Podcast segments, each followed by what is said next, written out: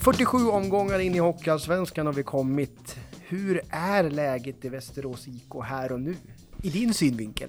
Ja, när vi sitter här och pratar så gör vi det ju eh, förmiddagen efter 6-2 hemma mot Vita Hästen och tredje raka segern. Eh, första gången i år sedan 29 oktober vunnit tre raka så läget här och nu är, eh, är väldigt bra. Eh, härlig stämning också på läktaren igår. Eh, men du får gärna fortsätta så här, så här så kan läget bli ännu bättre. Vi kommer ju till största delen prata om ekonomi och strategi i det här avsnittet. Men en liten reflektion av det sportsliga då i hela Hockeyallsvenskan. Vad är det som sticker ut just nu? Ja, exakt. Vi, eh, den här sporten handlar ju om att skapa ett sportsligt engagemang, så vi måste ju hitta lite tid att prata om det också. Eh, när man tittar på den här eh, säsongen, om vi börjar titta bort från, från bara oss själva, eh, så är det väl framförallt eh, Mora Eh, sticker verkligen ut. Eh, vi kommer säkert prata en del i den här podden om att vikten av att överprestera mot sin spelarbudget och sina eh, liksom, grundförutsättningar så. Och det är djupt imponerad eh, av Moras verksamhet och, och sättet de presterar den här säsongen. Tycker vi kan säga samma sak om Bicka Skoga i år igen. Eh, pratar om det ofta liksom. Så att de, de har, känns det som att de har överpresterat sig själva liksom nio av de tio senaste åren. Och en sjätteplats för dem i år igen. Med deras förutsättningar. Eh, de gör det bra. Eh, Södertälje gör ju ett eh, jättelyft, eh, kommer på trettonde plats, spelar negativt kval. Eh, förra säsongen nära åka ur.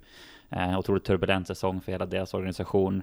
Nu ligger de fyra, eh, har Linus Widell som kanske varit en av ligans bästa och mest sevärda spelare. Så, um... Men är det ett bra bevis på att det går att vända verksamheten över bara en sommar om man säger så? Verkligen, otroligt tacksam för frågan från dig där, för det här ska vi se som eh, i vårt tunga läge Eh, så ska vi se det här som inspiration till att det verkligen går snabbt eh, att ta revansch och att bli en, en seriös eh, SHL-utmanare. För jag tror att vi är många som upplever till exempel att att Södertälje, om de får Videll eh, i bra skick igen efter den otäcka smällen, så eh, det är ju en spelare som kan bära tillsammans med liksom, övriga klubben och, och lagkamraterna sitt lag långt.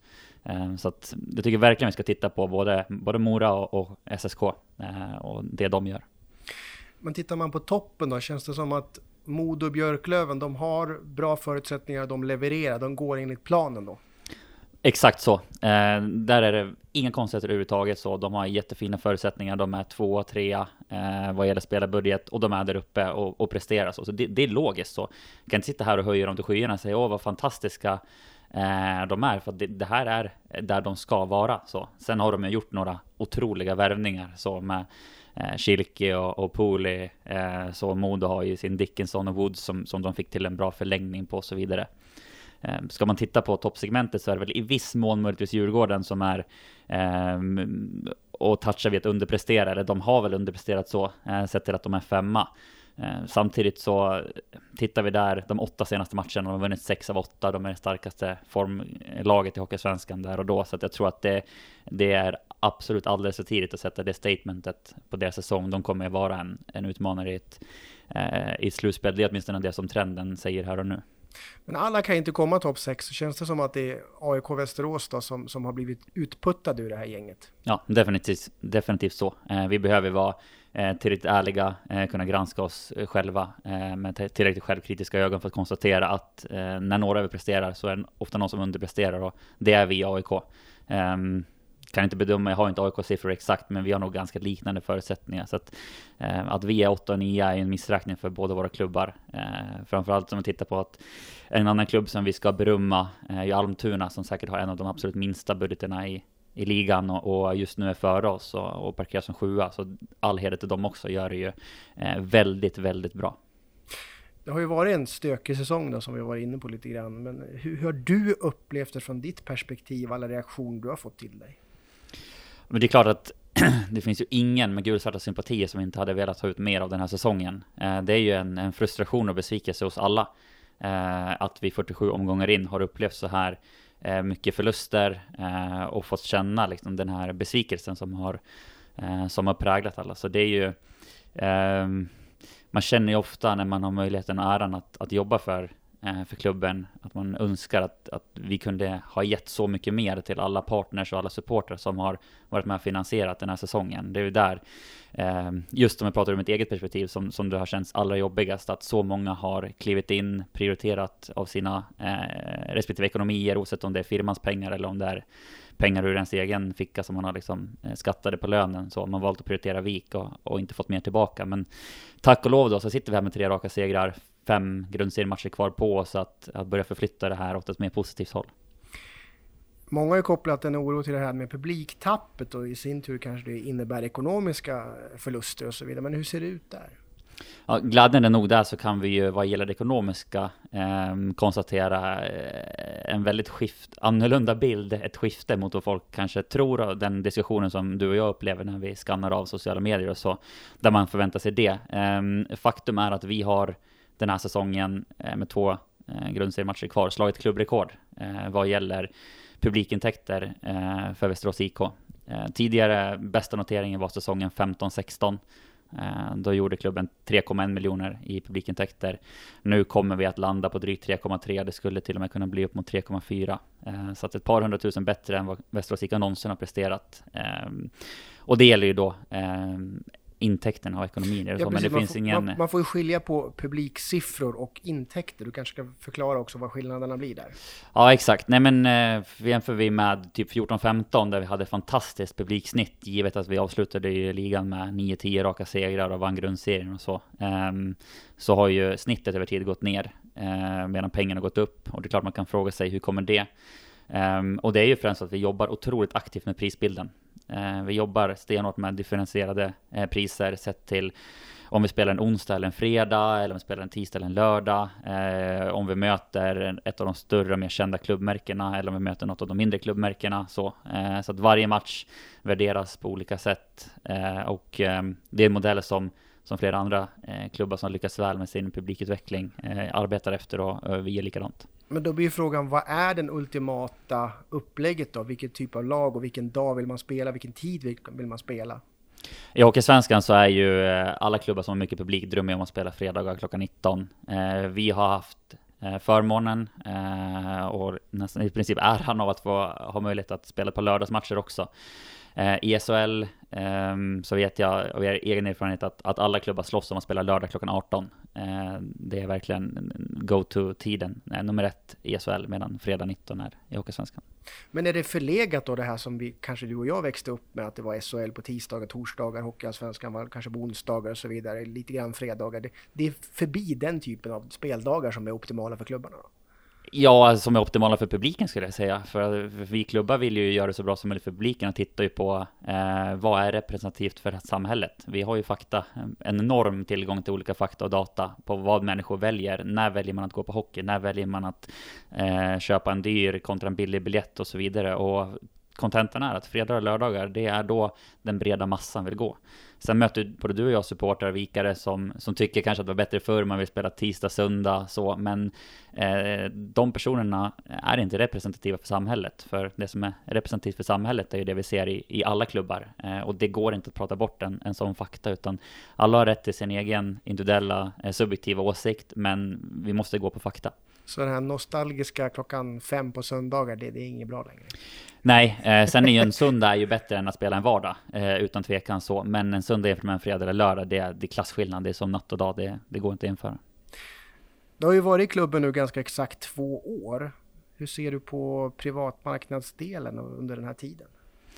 Ja, exakt. Första februari dök det upp för någon, ja det är några dagar sedan nu, att det var två dagar sedan jag fick eh, äran att göra första dagen här.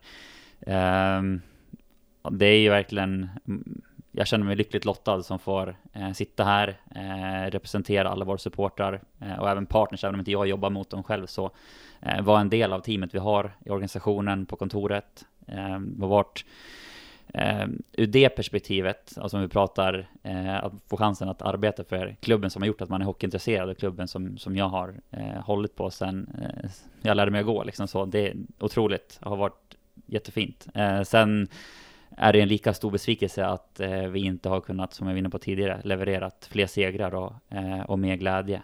Eh, men eh, på de här två åren då så har vi slagit om man tittar på den avdelningen som vi pratar privatmarknaden så har vi slagit klubbrekord för seriekort, eh, vi har slagit klubbrekord för medlemskap och vi har nu slagit klubbrekord för eh, lösbiljettsintäkter, vilket är de tre liksom, de stora intäktskällorna som vi, som vi mäter och bedömer. Och, eh, det är ju otroligt glädjande eh, att människor vill prioritera VIK, för det skapar ju förutsättningar. Eh, Sen med det sagt så ska vi inte sitta och slå oss för bröstet för det, för det är inte en tävling. Hockeysvenskan är inte en tävling om att dra in mest marknadsintäkter. Utan det är en tävling om att skapa sig så bra förutsättningar som möjligt för att vinna så mycket hockeymatcher som möjligt. Och, eh, där är vi uppenbarligen inte just nu. Och bara för att backa lite grann där, du fick ju också börja i ett läge med att sälja biljetter där man inte fick sälja biljetter. Så att på det sättet måste det vara roligare nu ändå. Ja, man kan ju säga att eh, vad gäller eh, en kurva från corona-anpassningar och restriktioner och eh, det ena och det andra så har det varit en väldigt härlig utveckling. uh, vad finns det mer att göra då kring att höja publiksnittet? Det är väl den eviga frågan, för man får väl aldrig vara riktigt nöjd förrän man har slutsålt alla matcher. Nej, eh, helt rätt. Den dagen som någon i den här organisationen är nöjd, då är det dags att lämna in avskedsansökan. Så vi, vi ska alltid sträva efter att bli bättre allihopa i våra respektive roller. Eh, och nu pratar vi en, en glädje att, att vi ökar klubbens publikintäkter. Men självklart så är det allra roligaste och det vi drömmer om och alla vill, det är att vi ska ha en, en utsåld arena och ha en så hög beläggning som möjligt. Och där pratar vi då publiksnittet. Det hade varit ännu roligare att sitta här och fira att vi har gått från ett publiksnitt på 2800 pers till ett publiksnitt på 4 och 1. Eh, det trumfar ju pengarna alla dagar i veckan så, för det är det ishockey handlar om, att ha välfyllda arenor eh, med grym stämning. Så. så eh, det finns jättemycket kvar att göra. Eh, jag tycker vi alla ska känna en glädje över den, eh, det generationsskifte som vi, eh, som vi ser på hemmastå. Eh, det är många tunga supporterprofiler som har gått från stå till sitt plats. De gjorde eh, en enastående insats. Vik har ju även om vi har varit i Hockeyallsvenskan på 2000-talet så har vi ju haft en av Sveriges absolut bästa ståplats alla år. Eh, det har vi varit bortskämda med. Eh, I det så, så, kommer det alltid till en dag där det kommer att bli ett generationsskifte. Det sker i, i alla klubbar med starka eh, hemmastå så.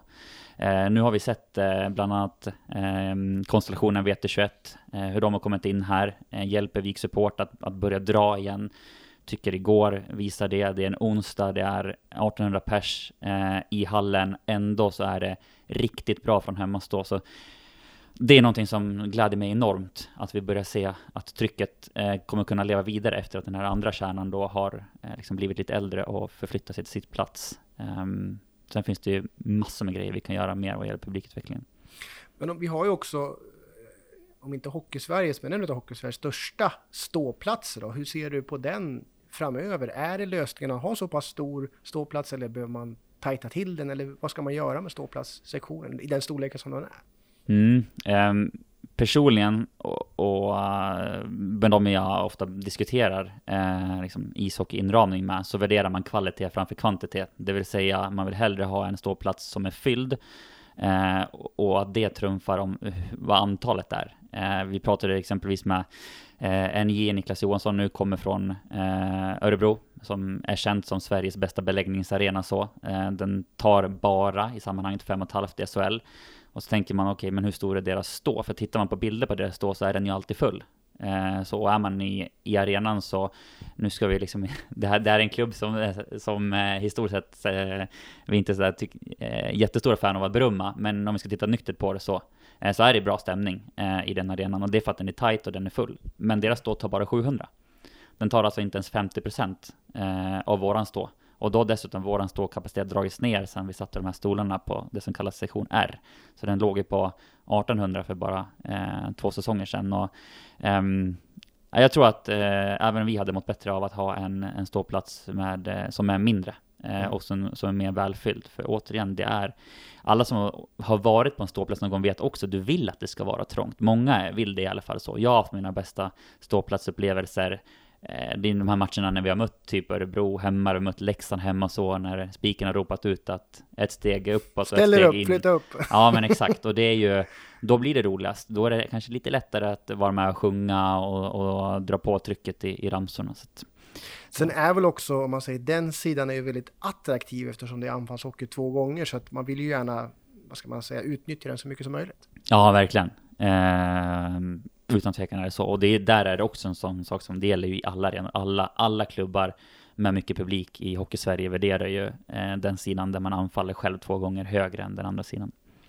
Vi var inne lite grann på ombyggnationer då. Ringside-baren har ju tagits emot väl. Ehm, vad kan man göra mer? Kan man bygga en till Ringside-bar eller ska man utveckla den? Eller hur ska man göra för att utveckla arenan som den är just nu? Det finns en otrolig vilja eh, från alla i organisationen och från supporterhåll och från partnerhåll att, att fortsätta det här arbetet. Eh, det sker ju. Det finns en projektgrupp som jobbar med arenautveckling. Eh, sen handlar det om extremt mycket pengar med ombyggnationer. Eh, vi vågade, hittade modet och möjligheten att göra den där investeringen i Ringside-baren och den har burit sig. Sen ska man komma ihåg att det var en, eh, vad ska jag säga, utan att slå sig för bröstet så, men det kändes som en homerun på, på förhand. Eh, att i på den sidan där vi anfaller två gånger kopplat till restaurangen, kunna hitta en yta där det fanns möjlighet att servera eh, alkoholhaltig dryck och mat direkt ute på läktaren. Det var ett ganska eh, bekvämt beslut att, att känna att det här kommer vi att lösa ekonomiskt så. Eh, men vi tittar högt och lågt. Alltifrån kan man eh, titta på rader som vi kanske inte säljer lika ofta. Kan man göra någonting med dem? Kan man skärma av dem? Kan man, liksom, eh, kan man plocka bort stolar? Hur konstigt det än må låta, men, men det är ju återigen, strategin är ju så hög beläggning som möjligt. För det man inte gillar att se, om man pratar om fina termer, den visuella upplevelsen att vara i arena, så är det tomma stolar. Eh, så att kan man då eh, göra en justering där så kanske det kan förhöja eh, upplevelsen ändå. Det kanske är liksom ett steg bak men för att ta två steg fram. Så vi tittar på allt högt och lågt men stora processer, långa processer var tidsmässigt och otroligt mycket pengar som vi i 99 fall av 100 kanske värderar att vi ser en större uppsida för Västerås IK att lägga de här pengarna på en spelarvärvning istället. Ja, för situationen, vi kanske inte behöver gå in i den med allt tjafs och problem som är runt området här. Men det är ju så, det kommer ju till kritan att klubben själv får investera i en arena som man inte äger. Det är väl det som är också sluttampen på det här.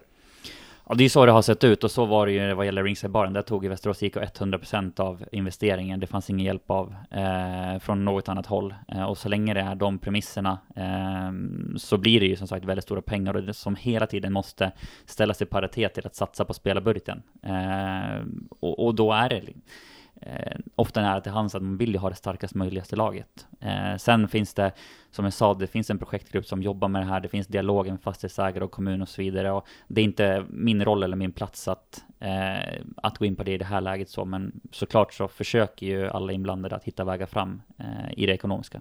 Men man kan väl säga så, även fast det kanske inte ser ut som att det kommer bli en ny arena imorgon så är väl mindsetet inom föreningen att jobba och utveckla det som finns just nu.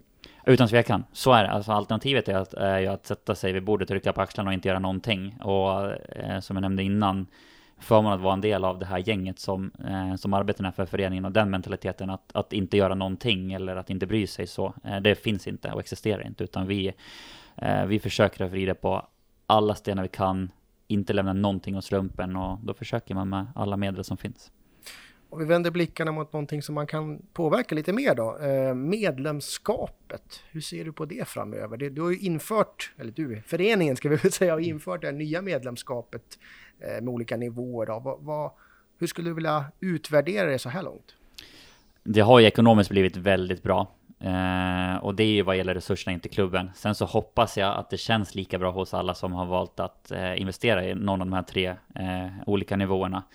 Eh, bland annat så vet vi, du hade ett klipp som du producerade här när Tera Lehtere eh, kom till klubben som var väldigt uppskattat för de som har de två så kallade förmånsnivåerna. Eh, jag sa det själv till dig, eh, såg klippet, så här, det kändes som att det var med i omklädningsrummet. Det var bara du som var där, jag var inte där. Men det är en härlig känsla och jag hoppas att att alla våra medlemmar delar den känslan eh, som jag själv hade. Eh, vi hade en träff nu när vi sitter här och pratar eh, i fredags eh, för den högsta nivån, alltså de som lägger mest eh, och också de som såklart då får mest. Eh, där vi var på O'Learys. Eh, vi hade en egen avdelning där, en, en, bokning. Vi såg matchen mot AIK tillsammans. Eh, vi i klubben genom medlemskapet bjöd på hamburgare, dryck eh, och lokalen då. kändes också otroligt trevligt uppskattat eh, från vårt håll. Och sen så återigen, domen ligger ju hos, eh, hos alla medlemmar som var där. Men jag hoppas verkligen att alla eh, trivdes. Eh, det var ju ett välregisserat slut om inte annat. Ja, det, det kunde ju inte gärna bli bättre. Vi hade ju såklart gärna tagit tre poäng, men när det blev som det blev så var ju två poäng och den dramaturgin var ju eh, tagen alla dagar i veckan. Så det är ju, vad är utvecklingsdelen i medlemskapet, det är att fortsätta fylla på med det här. Eh, ge, se till att, att ge sådana här värden och förmåner, att man får eh, att alla som prioriterar att lägga en del av sin ekonomi, att de också får jättemycket tillbaka. Eh, och nu hittar vi ett samarbete med O'Learys. Eh, vi kanske kan hitta fler samarbeten med våra härliga företagspartners, där det blir, som, blir en win-win för alla. Och vi har bara gjort det här i två år och även om man kan tycka att två säsonger är, det är väl en hel del tid, så i, i de här eh, projekten och i de här arbetena så är det väldigt lite tid. Jag säger det, ge det här fem år, tio år så ska vi se vart vi, vart vi är någonstans. De som finns i närområdet kan ju närvara på träffarna och så vidare på matcherna, men känns det som att de som även finns väldigt långt ifrån klubben ute i landet också kan komma in och ta del av det som du är inne på? De, de får väl också lite mervärde på distans? Utan tvekan är det så. Jag vet ju att vi har ju eh, medlemmar på, på de här två nivåerna. Eh, Gulsvart 2024 som är den högsta och sen Gulsvart mellannivån som bor i Malmö, som bor i Göteborg, som bor i norr i landet. Eh, och där är det ju kommunikationsdelen i en bit. Eh, så mycket som möjligt som du kan vara nära laget, eh, göra de här eh, video insider-reportagen, att man får komma på insidan av klubben. Då får man ju en, en otrolig närhet som man annars inte kan ha av geografiska skäl. Och sen så har vi ju tack vare då appen som är igång, up and running, så kan vi skicka specifika pushnotiser som bara går till medlemmar när det kommer nyheter. Vi drar de här smsen när vi värvar spelare eller gör förlängningar eller det händer viktiga saker kring, kring vår verksamhet. Så att, eh, ja, vår förhoppning eh, är ju att många känner att det finns en, ehm, eh, ett stort värde att vara medlem. Om vi pratar gulsvart 2024 då, den här treårsplanen. Vi kan väl hårdra det och säga att nu har det gått två år av den. Det är en liten del kvar av det andra året. Då. Men hur skulle du eh, säga att utfallet har varit av den hittills? Om jag startar kort med det sportsliga, eh, sen går in på andra saker och kommer tillbaka till det sportsliga, så är det ju, eh, vi vet ju inte exakt vart utfallet blir eh, det här andra året så. Eh, här och nu är vi eh, nia i Hockeysvenska tabellen, vi behöver förhålla oss till det. Eh, det är ju så en uppenbar missräkning, eh, behöver vi ärligt nog konstatera. Samtidigt så är vi i en position där vi fortfarande eh, äger frågan själva, eh, huruvida eh, bättre vi ska göra eh, den här säsongen. Och trenden under Tero Lehtere, fyra segrar på sex matcher, eh, den är ju positiv. Så låt oss kanske eh, komma tillbaka till det. Eh, men totalt sett, sen om vi tittar på vad det inneburit för klubben, så har det här varit en otrolig succé. Ehm, och det kanske låter konstigt nu när jag säger det, men låt mig förklara så. Ehm, det har diskuterats, jag vet att det har diskuterats bland liksom, hockeyfolk, alltså sådana som är i den sportsliga bubblan, gamla tränare, gamla spelare och så vidare, som, som har liksom fått det till att det kanske inte har varit sådär positivt, men eh, låt mig då som har helhetsperspektivet klargöra att det har varit eh, grymt. Eh, ett avgörande och stort steg framåt för vår klubb, eh, och då pratar jag ekonomiska förutsättningar. Vi har lyft, eh, privatmarknaden har gått från att någonstans ha legat mellan 5,5 eh, till 6 miljoner år efter år till att vi i år kommer logga in på eh, ganska exakt 8 miljoner. Eh, det är en, en ökning med 33 procent eh, med de totala intäkterna som kommer in. Företagsmarknaden har haft eh, en liknande utveckling om man tittar procent. Det är också en, en 30 till 35 procent upp eh, mot vad man har varit tidigare och det är eh, för att försöka beskriva det på ett sätt, det är ett massivt steg framåt vad gäller att etablera oss som en av de klubbarna i Hockeysvenskan som har eh, ekonomiska förutsättningar för att bli slagkraftiga sportsligt. Um, sen återigen, som jag sa, det är inte en tävling om att uh, ha störst uh, marknadsbudget, uh, för det ska ju sen förvaltas, omvandlas till segrar och sportsliga poäng, och där har vi inte lyckats under de här två åren. Um, men jag kan säga så här att utan den här treårsstrategin så hade Västerås IK definitivt inte varit i närheten av att ha de här eh, förutsättningarna att bli eh, framgångsrika sportsligt. Ja, för det var väl också ett vägskäl. Man hade gjort en bra säsong när man kom upp och sen så hade det väl i princip bara ebbat ut den här hypen och man kom femma, sexa eller vad det var för någonting några år i rad där och det var väl tvungen att göra någonting för att lyfta på det.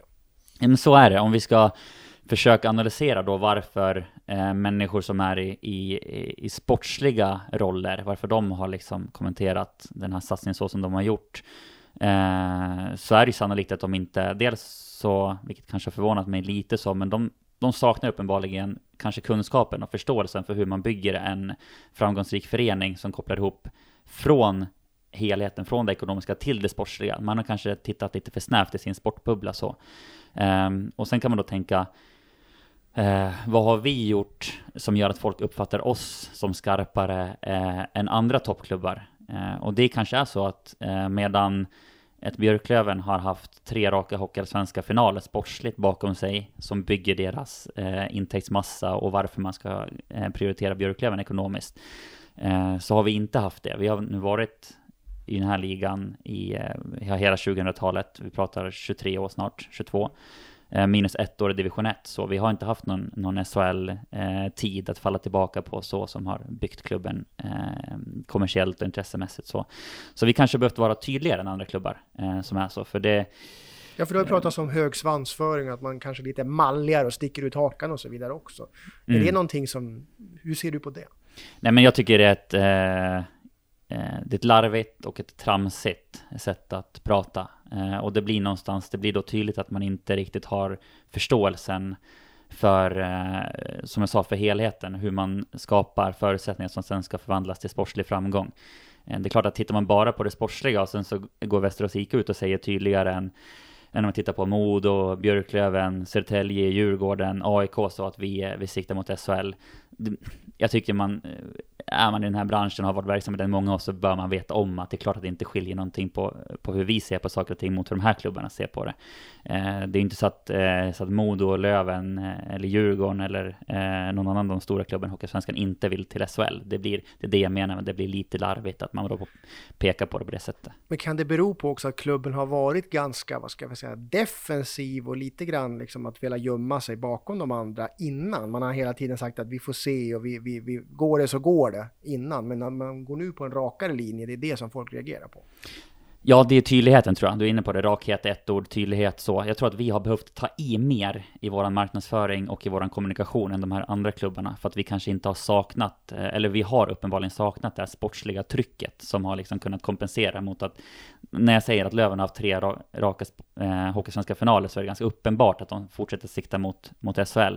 Medan vi Eh, vi var på en ganska eh, medelmåttig ekonomisk nivå och vi kände att ska vi ta vår spelarbudget från där vi var på 10 miljoner kronor till att bli en, en spelare att räkna med, alltså en klubb att räkna med Hockeysvenskan, så måste vi upp rejält. Och då ställer man sig frågan, hur ska vi gå upp, ta oss dit eh, ekonomiskt? Och det är ju inte genom att rycka på axlarna och typ säga så ja ah, nej men vi hoppas att vi blir topp 10 och sen så ska vi göra det så bra vi kan. Det hade aldrig triggat eh, partners och supportrar på det sättet som det har gjort. Så att våran, den enda skillnaden mot oss och, och de andra eh, stora slagkraftiga klubben i Hockeysvenskan är att ja, vi har kommunicerat tydligare. Vi har behövt ta i ännu mer i rakhet och tydlighet. Eh, men det förändrar inte faktum att eh, våran strategi är precis densamma som de andra klubbarnas.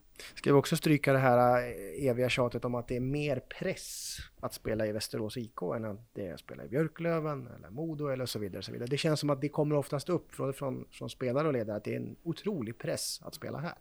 Ja, eh, jättetacksamt att eh, få det här tillfället. Hoppas att så många som möjligt har eh, fortsatt att lyssna fram till nu, för den här måste vi bara eh, plocka ner. Eh, det är också som jag nämnde de två orden innan, och det blir tramsigt.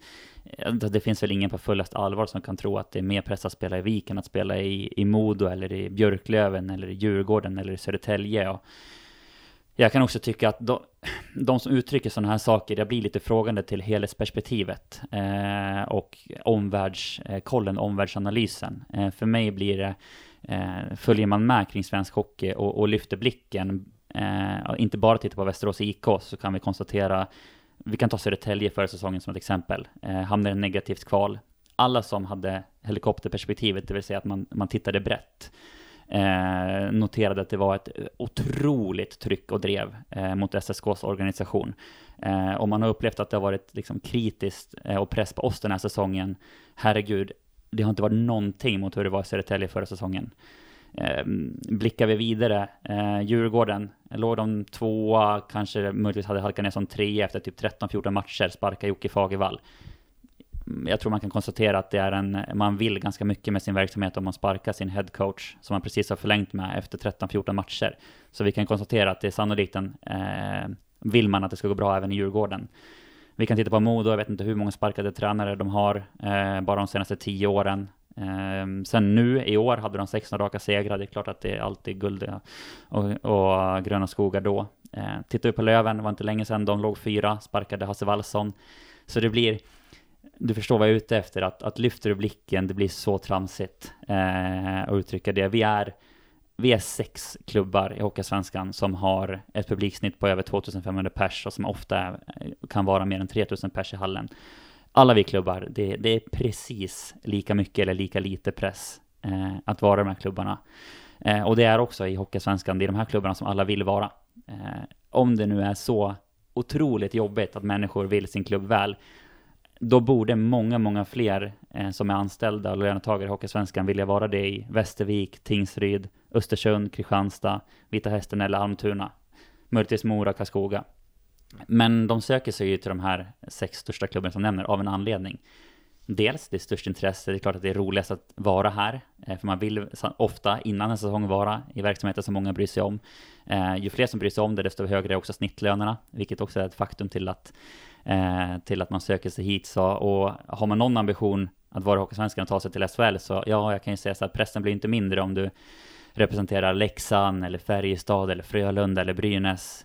Det är, det är en del av den här branschen och eh, gillar man inte det, då ska man heller inte vara lönetagare eh, och någonstans få sin egen ekonomiska trygghet genom partners och supportrar som betalar för den här sporten. Men om vi gör så att vi vänder blad från den här säsongen, det kan gå jättebra, det kan gå mindre bra, men vi, vi skippar den här och går på tredje året av den här satsningen. Då. Hur ser du på det? Vad är det som kommer att hända där och vad är det viktigaste för dig där?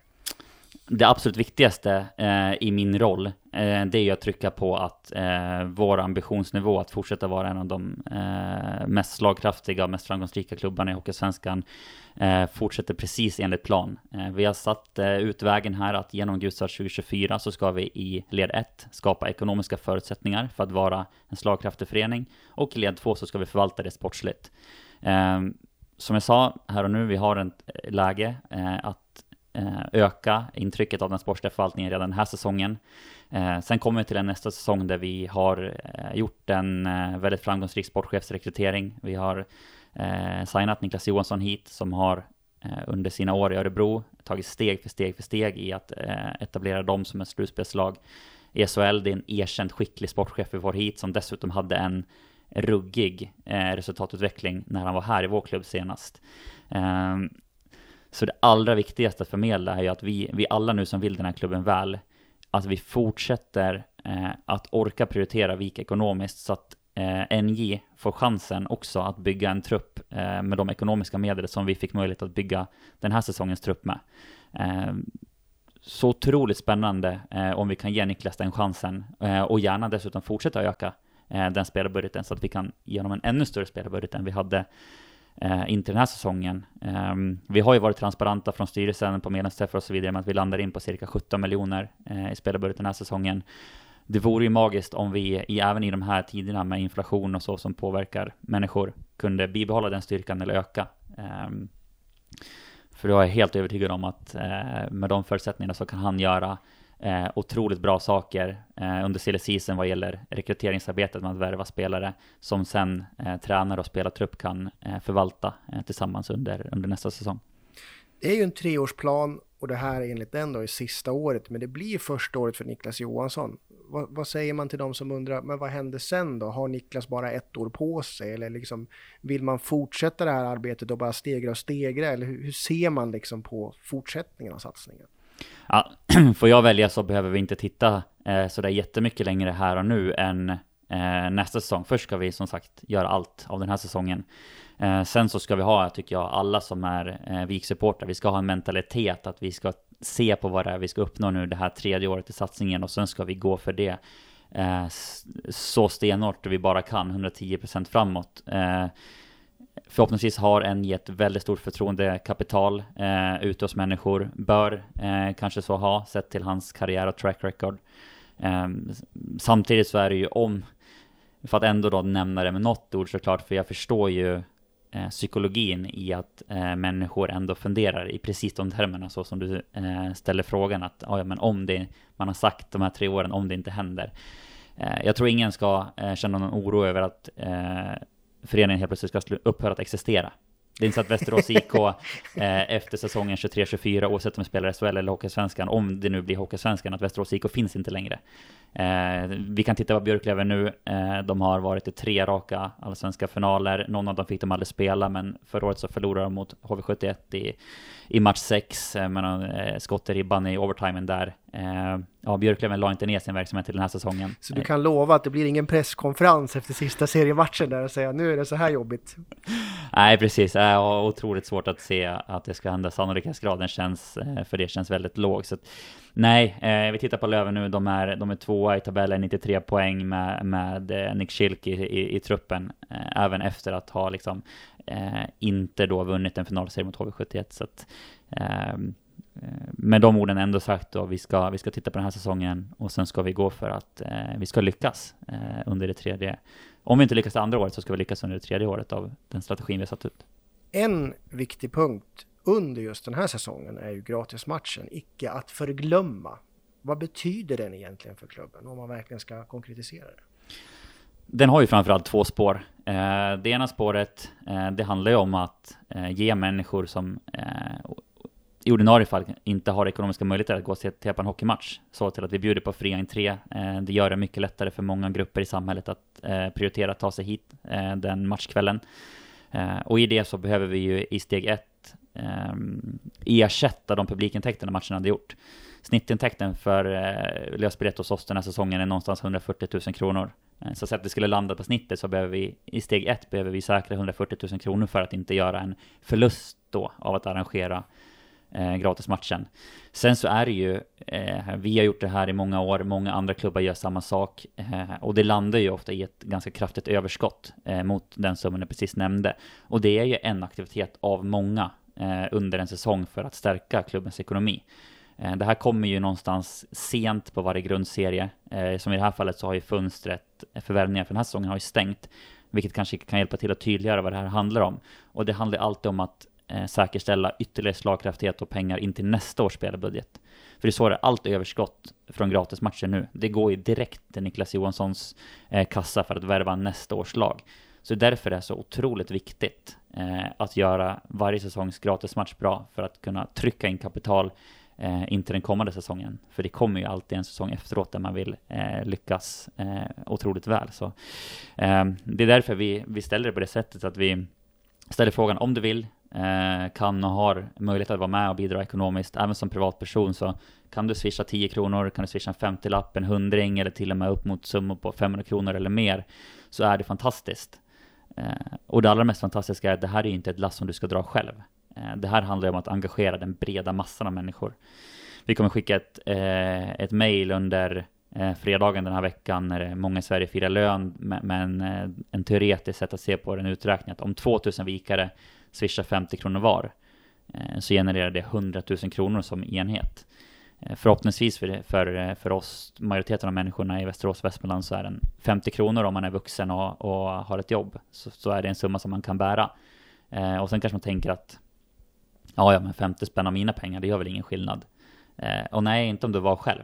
Men nu ska vi vara tusentals vikare som vill göra någonting här tillsammans. Och om alla tusentals vikare resonerar likadant, ja då gör dina 50 kronor en ruggig skillnad. Eh, och det är det här man vill, vill bära ut vad gäller just den, den privata delen av gratismatchen att följa ett hockeylag på utsidan är ju lite av en berg och dalbana, men nu sitter ju både du och jag på insidan och rent personligt, hur, hur pass mycket påverkas man av att ena veckan då är det prat om att oh, nu är det nära kval neråt, nästa vecka är det oh, nu är det nära hemmaplansfördel i kval uppåt. Hur, hur, hur klarar man av de skillnaderna från vecka till vecka? Jag tror att en jätteviktig del det är att identifiera sig själv som eh, en supporter, som alla andra och inse att vi mår precis, eh, vi som är i organisationen mår precis som alla som är utanför organisationen, så vi vill ju vinna. Eh, vi vill skapa glädje, eh, att man kommer till vår arena eh, med, man är inspirerad och taggad in, inför match. Eh, och man går hem med, med glädje och att man har känt att man var en del av arenagemenskapen och kände inramningen från, från läktarplats och njöt av spelet. Eh, så det är ju det, är ju det här vi alla har gett oss in i. Eh, vissa gör det som att man är verksam inom klubbarna och de allra flesta gör det ja, men på läktaren som supporter. Och, eh, ja, we're in it together, om man säger så. Det är där det är så viktigt hela tiden att, att hela tiden känna den här, som för dig och mig som får chansen att vara, vara verksamma och jobba för alla människor, den här otroliga tacksamheten att, att få vara i en sån svensk ishockeyklubb som, som så många är intresserade av och som berör så många. Eh, jag menar, tänk att vara i, i en klubb som ingen brydde sig om, det måste varit så, så otroligt tråkigt. Så att, eh, det här engagemanget, även en sån här säsong när, det, eh, när vi inte har gjort människor så glada som vi vill, så är det fortfarande fantastiskt att, att ges möjlighet till att, som i det här fallet nu, vara med och vända på det. Men just som du säger att efter en match som man vinner med 6-2, den känslan, det får man nästan backa flera år för att verkligen ha i minne. Det känns ju som det. Den här säsongen har ju liksom varit verkligen motvind hela tiden. Ja, det är ju som du säger. Eh, jag tyckte jag kände det på, på läktarplats. Jag var upp, eh, stod med ett par, eh, jag hade en, en seriekortsnavarna medlem på vänstra sidan om mig igår och sen hade jag en, en av våra större partners på högra sidan så vi stod och, och firade segern där och man kände den här, ja men som du är inne på, det, var, det är som att någonting släpper. Jag tyckte det kändes likadant även när vi, eh, när vi vann onsdagen innan mot eh, Kristianstad hemma så, att det bara, det blir den här eh, frigörandet av energi. Eh, och antagligen är det det som har hänt i spelartruppen också. Det är liksom inte vår plats att analysera det, men det är ändå den här känslan man har att just nu frigörs det väldigt mycket positiv energi eh, i många olika delar av, av Västerås IK. Eh, och det ser man ju framför sig att det ska bära oss eh, framåt på både kort, eh, kort och lång sikt. Det är kul att gå på hockey igen. Exakt, för att eh, sammanfatta det så, så är det ju, det är precis exakt den känslan. Om man ska bryta ner alla de här strategiska utläggningarna, alla fina orden och, och liksom vad det är vi vill uppnå. Ja, det ska vara kul att gå på hockey.